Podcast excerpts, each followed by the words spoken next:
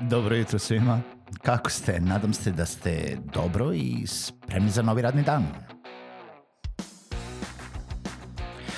Pozdrav svima i dobrodošli na podcast Male pobede, stari novi podcast koji, well, koji je tu da bi vam kroz pitanje i savete dao motivaciju, pokrenuo vas u pozitivnom smeru i pomogao da ovaj dan počne bolje, jače i možda čak i zabavnije.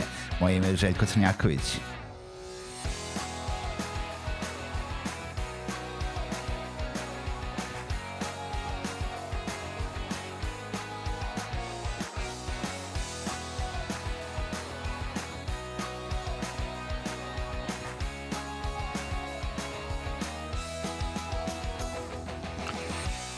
Pozdrav svima, dobro jutro i dobrodošli u novu epizodu podcasta Male pobede. Drago mi je da ste i ovu epizodu sa mnom, drago mi je da pratite, drago mi je da ste posetili sajt, ako niste, to treba da uradite, malepobede.rs.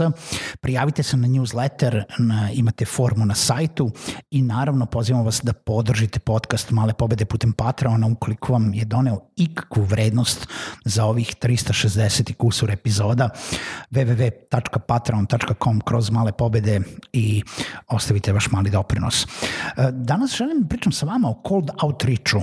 U stvari šta to znači? To znači da li u vašem poslovanju se bavite e, nekim prodajnim akcijama ili marketing akcijama gde ni, ne radite samo na nekoj kampanji, ne radite samo na nekom sadržaju koji proizvodite i stavljate na neko mesto na internetu, nebitno da li je to na društvene mreže, na YouTube, na e, plaćene oglase, na Google, šta god to bilo, nego jednostavno da li direktno pozivate ili pišete ljudima koji vas ne znaju uh, zato da bi ostvarili taj neki poslovni kontakt. I sad, mnogo ljudi će reći da cold outreach uh, po GDPR-u uh, ne treba da se radi. Zapravo postoji jedna rupa u GDPR-u po nekoj moje i, i ovaj, po još nečim um, razumevanjima i, i e, pokušat ću da nađem tekst do toga e, ko, i linkovati u opisu ovog podcasta, gde naravno da ne smete da kontaktirate ljude i da ih stavljate na svoj newsletter mailing listu ukoliko se oni sami nisu prijavili.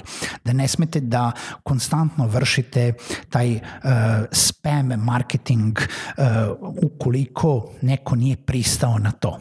Ali cold outreach ili jedan mail koji ćete ponuditi nekome vaše usluge, iako vas ne znam, ili jedan cold poziv koji ćete uputiti nekome i on će se izjasniti da ili ne, ili nisam zainteresovan, ili nisam tu ili to i nikad ga više ne pipnuti, jeste dopušteno po GDPR-u. To jeste jedna vrsta marketinga, jedna vrsta kanala koji, verovali ili ne, se mnogo koristi u svetu i verovali ili ne, daje apsolutno rezultate.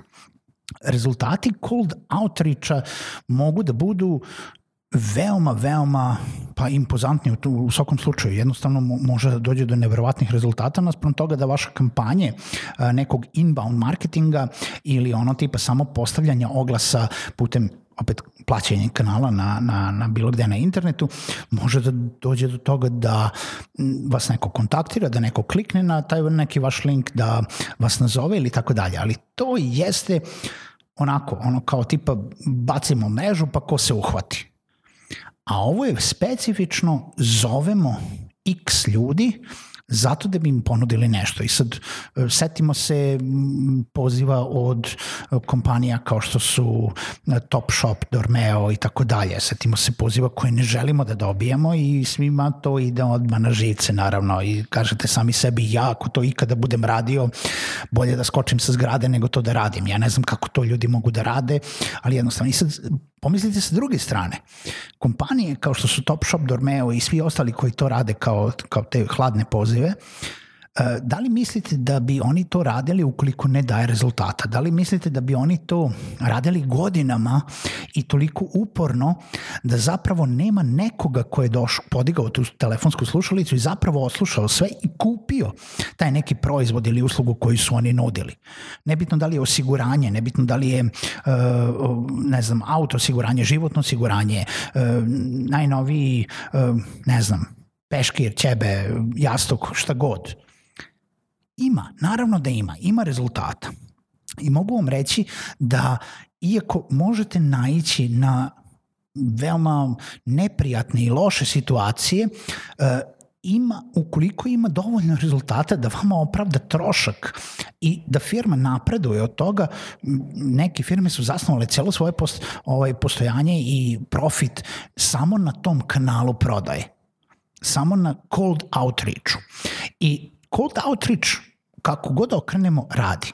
Što znači da nije nemoguće da i vi počnete da razmišljate o tome, da, da nije nemoguće, nego želim da vam samo otvorim uh, jednu percepciju da i to postoji, da nije nezakonito i da vi zapravo, uh, znači, to jeste jedan kanal koji možete da iskoristite. Da li ćete vi to uraditi ili ne, to je totalno na vama i zavisi ka, kako se osjećate. Mada verujte mi, ukoliko vidite da to zapravo radi, uh, uložit ćete određene pare u to. Ja imam uh, lično iskustva da ukoliko bi sad zaposlili uh, dve osobe, samo dve osobe, I pričamo, ne, ne moramo uopšte da pričamo o Srbiji, pričamo o međunarodnoj prodaji. Recimo, ukoliko imate digitalne usluge, uh, prodajete kao ja animirane explainer vide i nađete jednu osobu koja će da kopa za podatke, a jedna osoba koja će 8 sati da poziva uh, poslovne ljude u Americi, da će imati dovoljno posla, ne, ne da će imati dovoljno posla, nego da će za 2-3 meseca početi da se isplaćuju te dve osobe koje će zapravo nabaviti dovoljno zainteresovanih klijenata, jer zapravo vama od 100, 200, 300 hiljadu ljudi koje ćete jednom da kontaktirate i opet ne radi se o spamingu, radi se o jednom kontaktiranju, jesu li zainteresovani ili nisu zainteresovani, uh, mogu da daju učinak. Najprostiji primer toga jeste, jel da, jedan primer jeste poziv. Drugi primer koji možda vam je prijemčiviji, koji vam se možda toliko negadi kao takav, jeste ono što sam pričao o kontaktiranju na LinkedInu. Svi ili na nekim druš, drugim društvenim mrežama, ali LinkedIn je dobar primer za to. Svi ste bili sigurno u prilici da dobijete neku poruku koja je reklamne prirode na LinkedInu da li je sponzorisana ili je samo neko poslao neku poruku o svojim poslovnim uslugama. I možda ste apsolutno ignorisali, možda ste bili neprijatno iznenađeni zašto se to uopšte dešava, možda ste popizdeli i blokirali tu osobu, ali možda ste i odgovorili na to. I sad, šanse su da u Srbiji, da kažemo, svi koji me slušaju, verovatno nisu odgovorili na jednu tu poruku. Ali ja ću sad vam da otkrijem tajnu. Mislim da sam probao kontaktiranje inostranih targetiranih publika sa jednom porukom putem LinkedIna koja je dovoljno otvorena i dovoljno smejaću se sam sebi, neinvazivna, da nisam ponudio, ne znam, nijakakve usluge, nego sam pozdravio, ostavio uh, komentar o tome šta radim i ukoliko oni žele da saznaju više, mogu da zakažu sastanak. Za mesec dana slanja ovaj, poruka na recimo 2000 do 3000 kontakata, a mogu da kažem da se nekad to radi na 5 do 10, 15 hiljada ljudi, ja sam imao već pet poziva sa potencijalnim klijentima. Imao sam i neke uspešne prodaje. Što znači da se cela investicija u to već uveliko isplatila. Neko će se opet složiti, neko se neće složiti da li to treba ili ne treba, to funkcioniše. Opet kažem, po GDPR-u, po svemu ostalom, možemo da kažemo da niko ne, ima ljudi, ima većina ljudi koji ne žele da primaju poruke koje oni sami nisu jel da, inicirali, tražili, koje nisu pozvane na taj način. You, you were not invited to contact me. Ali zašto da ne?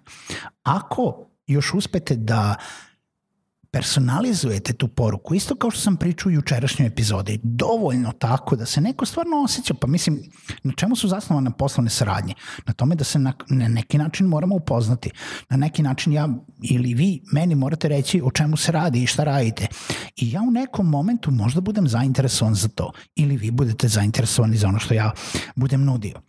I tako se stvaraju novi. Nije, nije svaka poslovna saradnja došla samo od reklame koju smo videli na billboardu ili koju smo videli na fejsu ili da je neko ukucao sajt. Ima, znate koliko sajtova ima na netu i šanse da se nabasa na baš vas, vaš sajt su izuzetno male. Tako da jedan, opet isto kao juče, ne treba da prekinete da radite content marketing. Ne treba da prekinete ili ne treba da izostanete iz content marketinga. Treba da, da radite sadržaj, jer kada vi pošaljete tu jednu poruku, vi morate da imate sadržaj koji podržava vašu priču. Ali, to ne znači da ne treba da direktno kontaktirate ljude, jer puno su veće šanse zapravo da cold reach da rezultat, nego samo ono tipa postavka billboarda, pa sad čak i u digitalnom svetu, i da ono neko pozove broj sa billboarda. Razmislite o tome i čujemo se u nekoj drugoj epizodi podcasta Male pobede.